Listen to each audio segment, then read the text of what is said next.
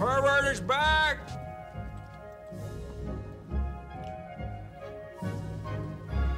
What's your name? Sophie? Tell everybody the pervert is back. The, the pervert is back. The pervert is back. The pervert is back. Rob on the radio comedy hour. Hour.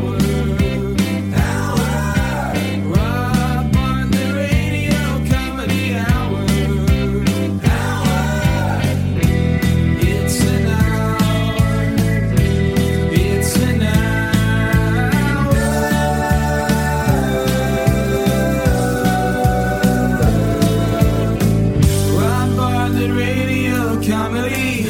Rob on radio comedy. On radio comedy.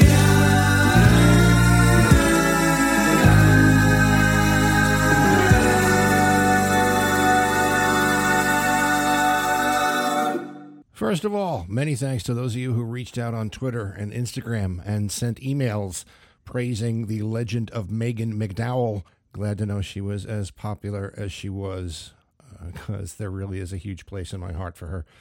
Of all the 60 something characters I did over the years in the Imus in the Morning program, Megan McDowell is one of my absolute favorites. If you haven't heard it yet, you can find it where you got this one. And why don't you go back and subscribe to us now so that way every time there's a new episode, you'll get it as soon as it's posted. You can subscribe on Stitcher, Google Play, Apple Podcasts, Spotify, wherever you get your podcasts. I'll wait while you do it right now. Okay, all set? Good.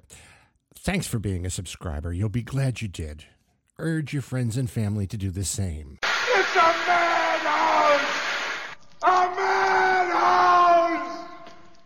Now, as we record this episode, there's a huge controversy going on over one of the new cast members that was going to be joining the cast of Saturday Night Live, Shane Gillis. 44 years old, stand up comic. He's been let go before the season even started due to some racist and homophobic remarks he made on a podcast about Asian Americans, specifically the entrepreneur and presidential candidate Andrew Yang, to whom Mr. Gillis referred to as a Jew.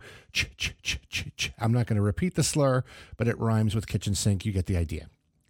The hot debate currently dominating the headlines is whether a comedian should be held accountable for what he or she says in the interest of comedy. Does he or she have a First Amendment right to say it, but is using a racial slur something that should be censored? I Don't have to take this abuse much longer. Now, they're throwing around the names George Carlin and Lenny Bruce as examples of, quote, edgy, unquote, comedians. To me, the debate should be about whether or not this Shane Gillis should be mentioned in the same sentence as George Carlin and Lenny Bruce. That's an infamia. The only other name that should be mentioned with those two is Richard Pryor. End of story. That's the holy trinity of comedians Pryor, Carlin, Bruce. But Shane used the quote, pushing the boundaries, unquote, excuse. I listened to the offending podcast, and I have to say, if it was supposed to be funny, I didn't get it. Apparently, he also made some homophobic remarks another time. Again, I didn't get it. You want to see boundary pushing? Watch Carlin, watch Pryor, watch Lenny Bruce, and Mel Brooks. The shit Mel Brooks gets away with is because you know what his intention is. You know it's not made in anger, it's not mean spirited, but it's always funny. Now, whether you think that Gillis was justified in using the slur or not, my problem with him is the fact that he did not do his research. If you're going to use a racial slur, you better make sure the person you're making it about applies. I mean, Andrew Yang is not Chinese, he is Taiwanese. His parents are immigrants from Taiwan. And if you know your geography, eh, Taiwan is not part of China. And most of all, he's not Jewish, obviously, as he has come out against circumcision.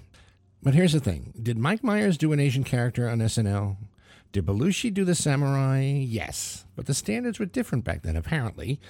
And SNL didn't seem to have a problem with Eddie Murphy's material either. That might have been considered racist and homophobic, just a little bit. But it was funny. You can't deny it. So everyone wants to know what is SNL's vetting process now?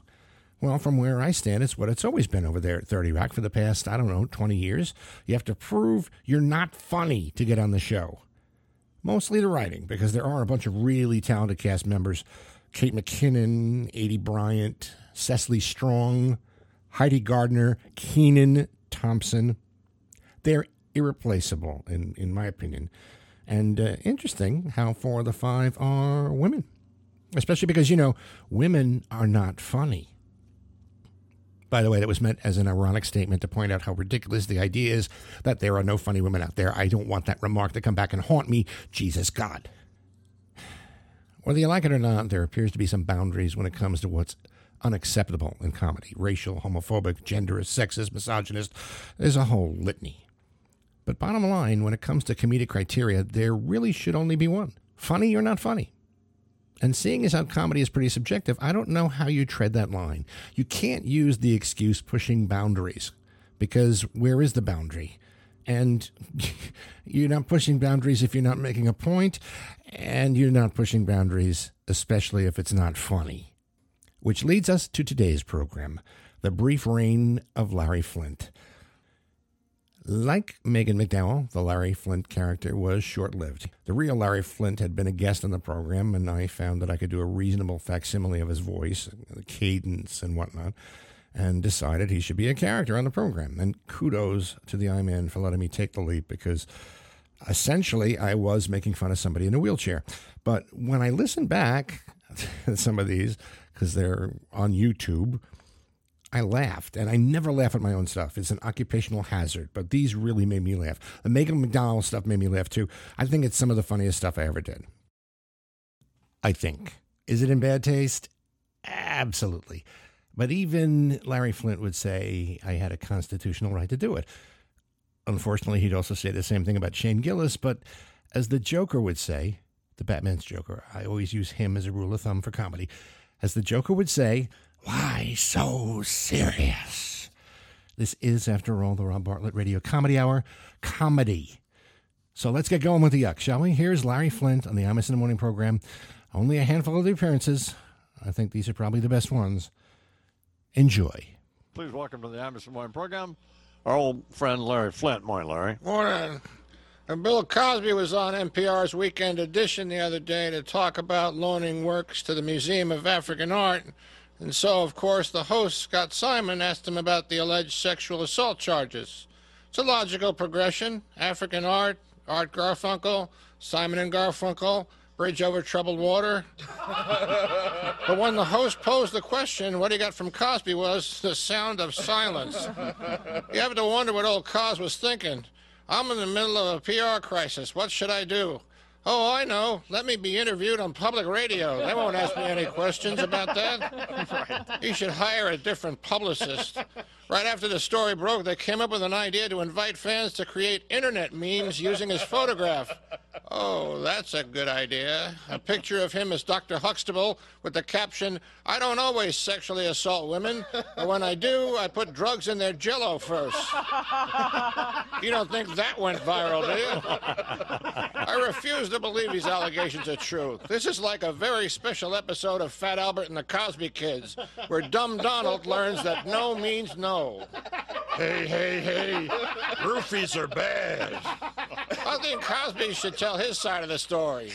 You see, I took this lady to Atlantic City for a little Rizaraza, but she didn't want me to zubba zuba ziba her wisdom for, so I had to put a jamma zimma and a Rizarama. And then I give him my pudding pop. Please welcome to the Imus in the Morning program our old friend Larry Flynt. Larry, how are you? Oh, great. How are you? I'm pissed off. That's how I am. Uh, yeah. Ooh, I'll alert the media.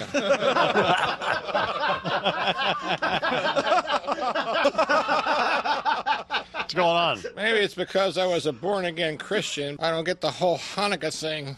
The traditions are a little confusing to me. No tree, but there's potato pancakes. no hanging up stockings, but there is a spinning wooden top that you can bet on. What happened? They couldn't get the rights to the slinky? I feel bad for kids on Hanukkah. They get one gift a night, so they wind up getting one crayon out of an eight box. wow, purple. I've been waiting for this since Tuesday. Hanukkah celebrates the miracle of lamp oil lasting for eight nights. A whole holiday based on being energy efficient. I don't know why it's considered a miracle. The Israelites lived in the Middle East. They were sitting on top of a billion barrels. They're having a hard time getting a gallon to keep the lights going. What's the real Hanukkah miracle? Not having to wait online at the movie theater on Christmas Day? It's not like there are any real Hanukkah movies. They don't have a Jewish version of It's a Wonderful Life. What would they call it? Eh, it's a life.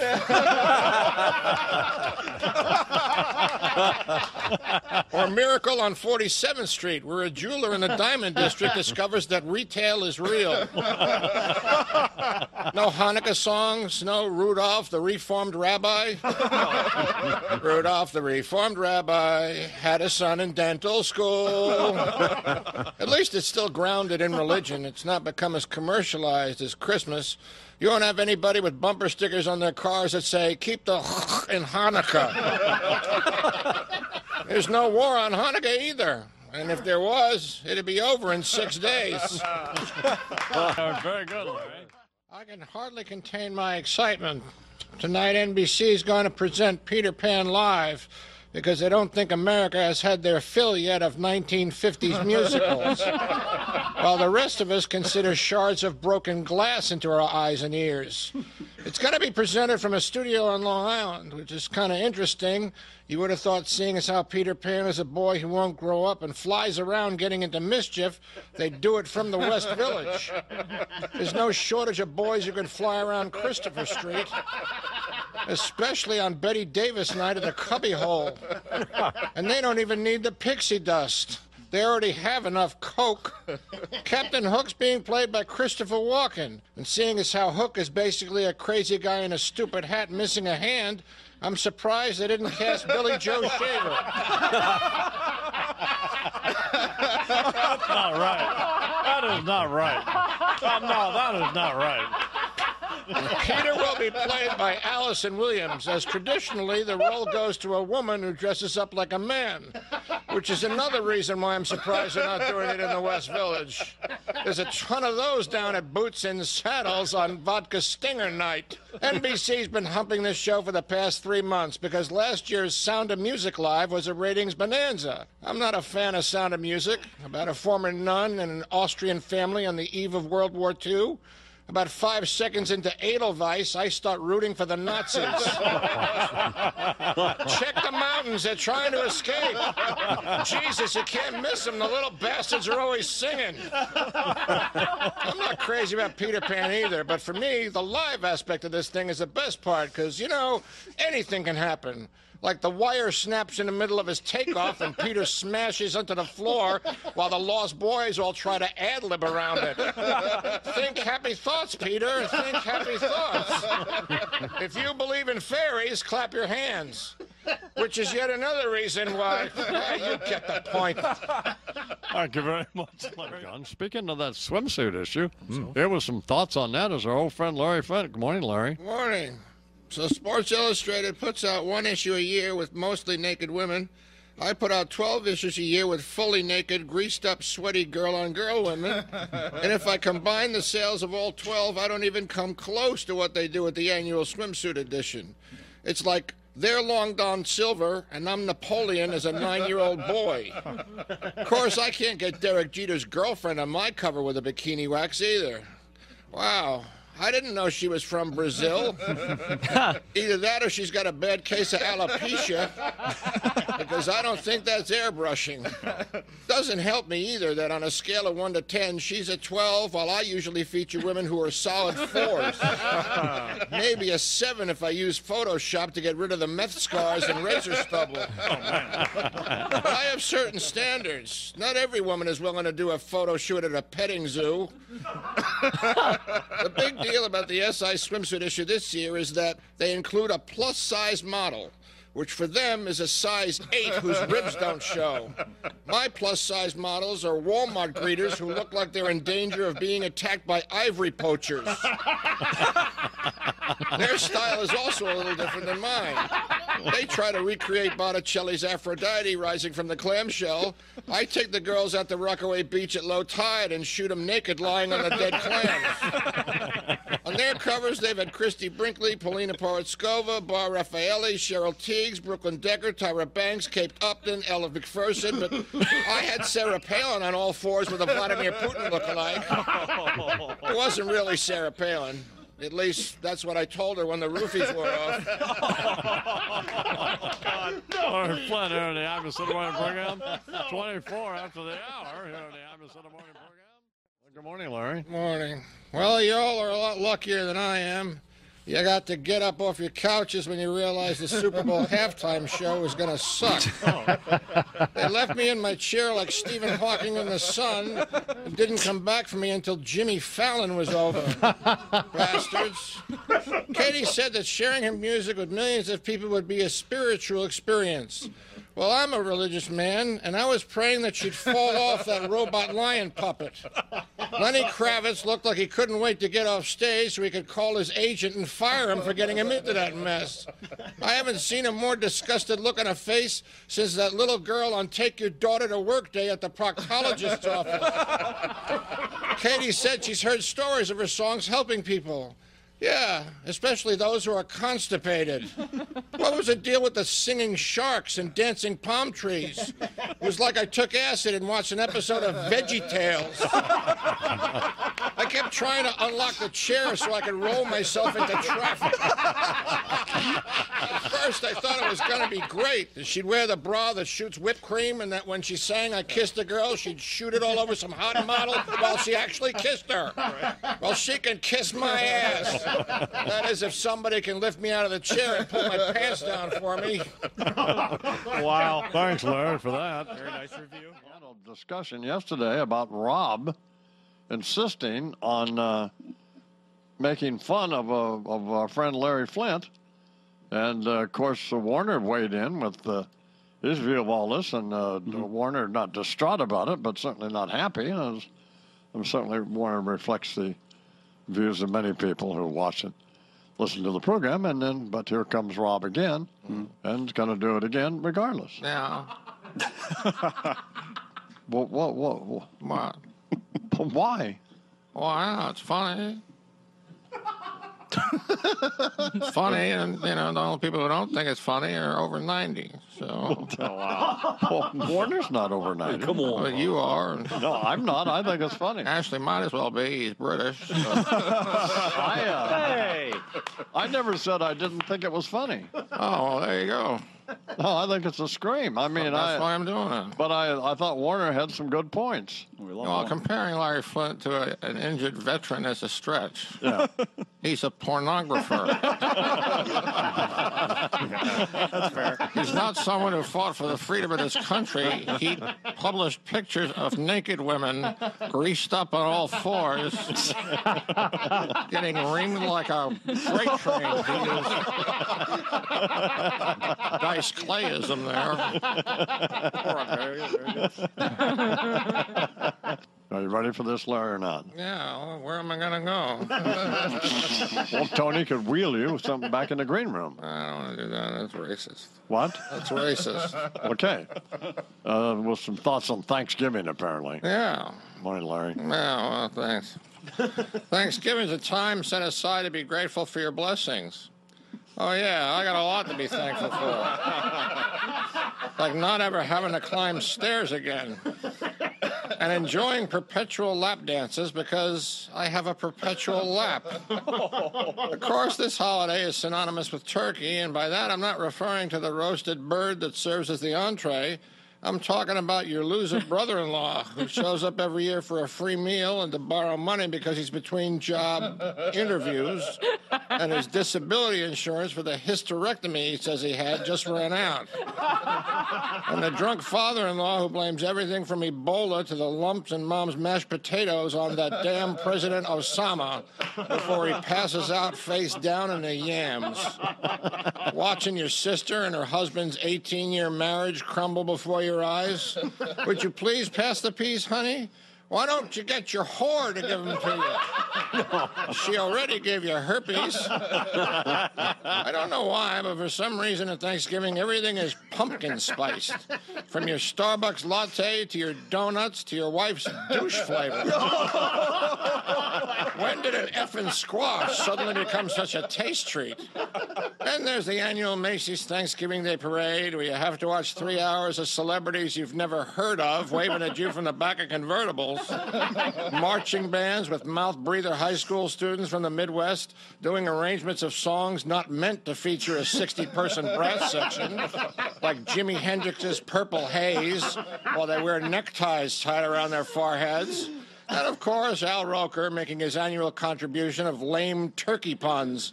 You know, that bird you see there on the Patrolmen's Benevolent Association looks like he just might get arrested for foul play. oh, go kill yourself, Roker. Loser. Isn't it time for you to fly down 6th Avenue being pulled by ropes held by circus clowns? Pass the stuffing. I can't reach it. Thank you very much, Larry. Well, once again to the Imus Player program. And uh, our old friend Larry uh, Flynt with some thoughts on apparently, well, let's see. Good morning, Larry. Uh, there are some people on the program who take exception to my appearances here. They feel that my making observations and comments on the issues of the day are violating some social moray by mocking those with disabilities. And I'm not pointing any fingers, obviously. it's not that I don't want to, but they feel that way for a good reason. They're stupid. I'm not talking regular stupid. I'm talking banjo playing, missing a chromosome, stuck in the lobby because the escalator is broken stupid. If anything, I'm an example of empowering the handy capable. Just because I'm in a wheelchair doesn't mean that my brain and my mouth are paralyzed like some people, such as, oh, I don't know, Warner Wolf. There you go. I'm surprised he's offended by satirizing the disabled when he himself is disabled. He's an antediluvian midget. When his wife wants to keep him away from the box of wine, she sticks it on top of the refrigerator. But it didn't keep him down. Sorry, that might be a bad choice of words, especially for somebody for whom elevators smell entirely different. But Warner refused to allow his handicap to define him. He let other people do that. He became one of the greatest sports reporters of all time. All time. In fact, he was inspired to go into sports reporting because he couldn't participate in sports other than horse racing. Although he could have gone pro in dwarf tossing, except they didn't have an association. Oh, man. But it was his high school classmate, Abner Doubleday, who said to him, You know, you should go to the videotape. Just make sure it's not running when the teeth fall out of your mouth. And Warner went on to become incredibly successful in his career, coining catchphrases like change the rule, foul pole, fair pole, you lost. Hot doggy. and who's going to change my depends? Oh, I'm sorry. Wait a minute. That last one is mine. I don't know. I thought it was funny. Uh, anyway, big thanks to the great Nat Candido, Connell McShane, Dagen McDowell, and Lou Ruffino for yucking it up. And of course, Tony Powell, my brother from another mother. You should check out his very fine podcast, Powell to the People. You can get it where you got this one. And of course, special thanks to the I Man, without whom you know what I'm going to say, and you know I mean it, so I'm not going to bother doing it. Um, follow the Rob Bartlett Radio Comedy Hour on Facebook. Like us or whatever you do on Facebook, so I know you're following us. You can also check us out on Twitter at the Robio, on Instagram, Rob Bartlett Radio Comedy, also Robbio007. And you can send us an email at RobbioRadioComedyHour at gmail.com. We received a lovely note from Mr. Greg Dick from way up there in the mountains of New York. He uh, he listened to our pumpkin spiced episode from last week and uh, offered us a suggestion for another pumpkin spiced product: pumpkin spiced tampons. Okay, I guess for that time of the month, but only in the fall months, you two can have Thanksgiving in your pants. I don't know. Thank you, Greg. I think. Anyway, Follow us, and you'll get info from the Robio verse, including my upcoming tour with Billy J. Kramer. Uh, our Do You Want to Know a Secret show is going to be premiering October 13th for a very special VIP preview uh, on October 13th. It's very, very intimate, small venue, so tickets are very, very limited. But check that out. And then we're going to be uh, going to my father's place in Roslyn, Long Island. I think it's Sunday, December 8th. And then uh, later that month, we'll be at my favorite theater in the whole wide world, the Seven Angels Theater in Waterbury, Connecticut. So check us out on Facebook and Instagram and Twitter, and uh, and keep subscribing and keep listening to the Rob Bartlett Radio Comedy Hour because I'll be humping it like you know nobody's business. Our program produced by Gary Grant and me, Rob Bartlett, written by the great Andrew Smith and me, Rob Bartlett, except the Larry Flynt material. You can blame just me for that. But everything was actorized by me, Rob Bartlett. The Rob Bartlett Radio Comedy Hour theme music Music and lyrics by Gary Grant, recorded and performed by Steve Mecca. Special thanks to the I-Man, Don Imus, for the forum and the support and the laughs. All stunts performed by me, Rob Bartlett. Mr. Bartlett's wardrobe provided by Botany 500. No animals were harmed in the recording of this podcast. See you again, boys and girls, next time in the Rob Bartlett Radio Comedy Hour. And until then, be good to each other, won't ya? Yeah, and uh, thank you to uh, Milos Forman and Woody Harrelson for that clip from The People versus Larry Flynt that opened our podcast. But she didn't want me to zubba zubba wisdom for, so I had to put a jamma zimmer and a bizarrama. And then I give her my pudding pop.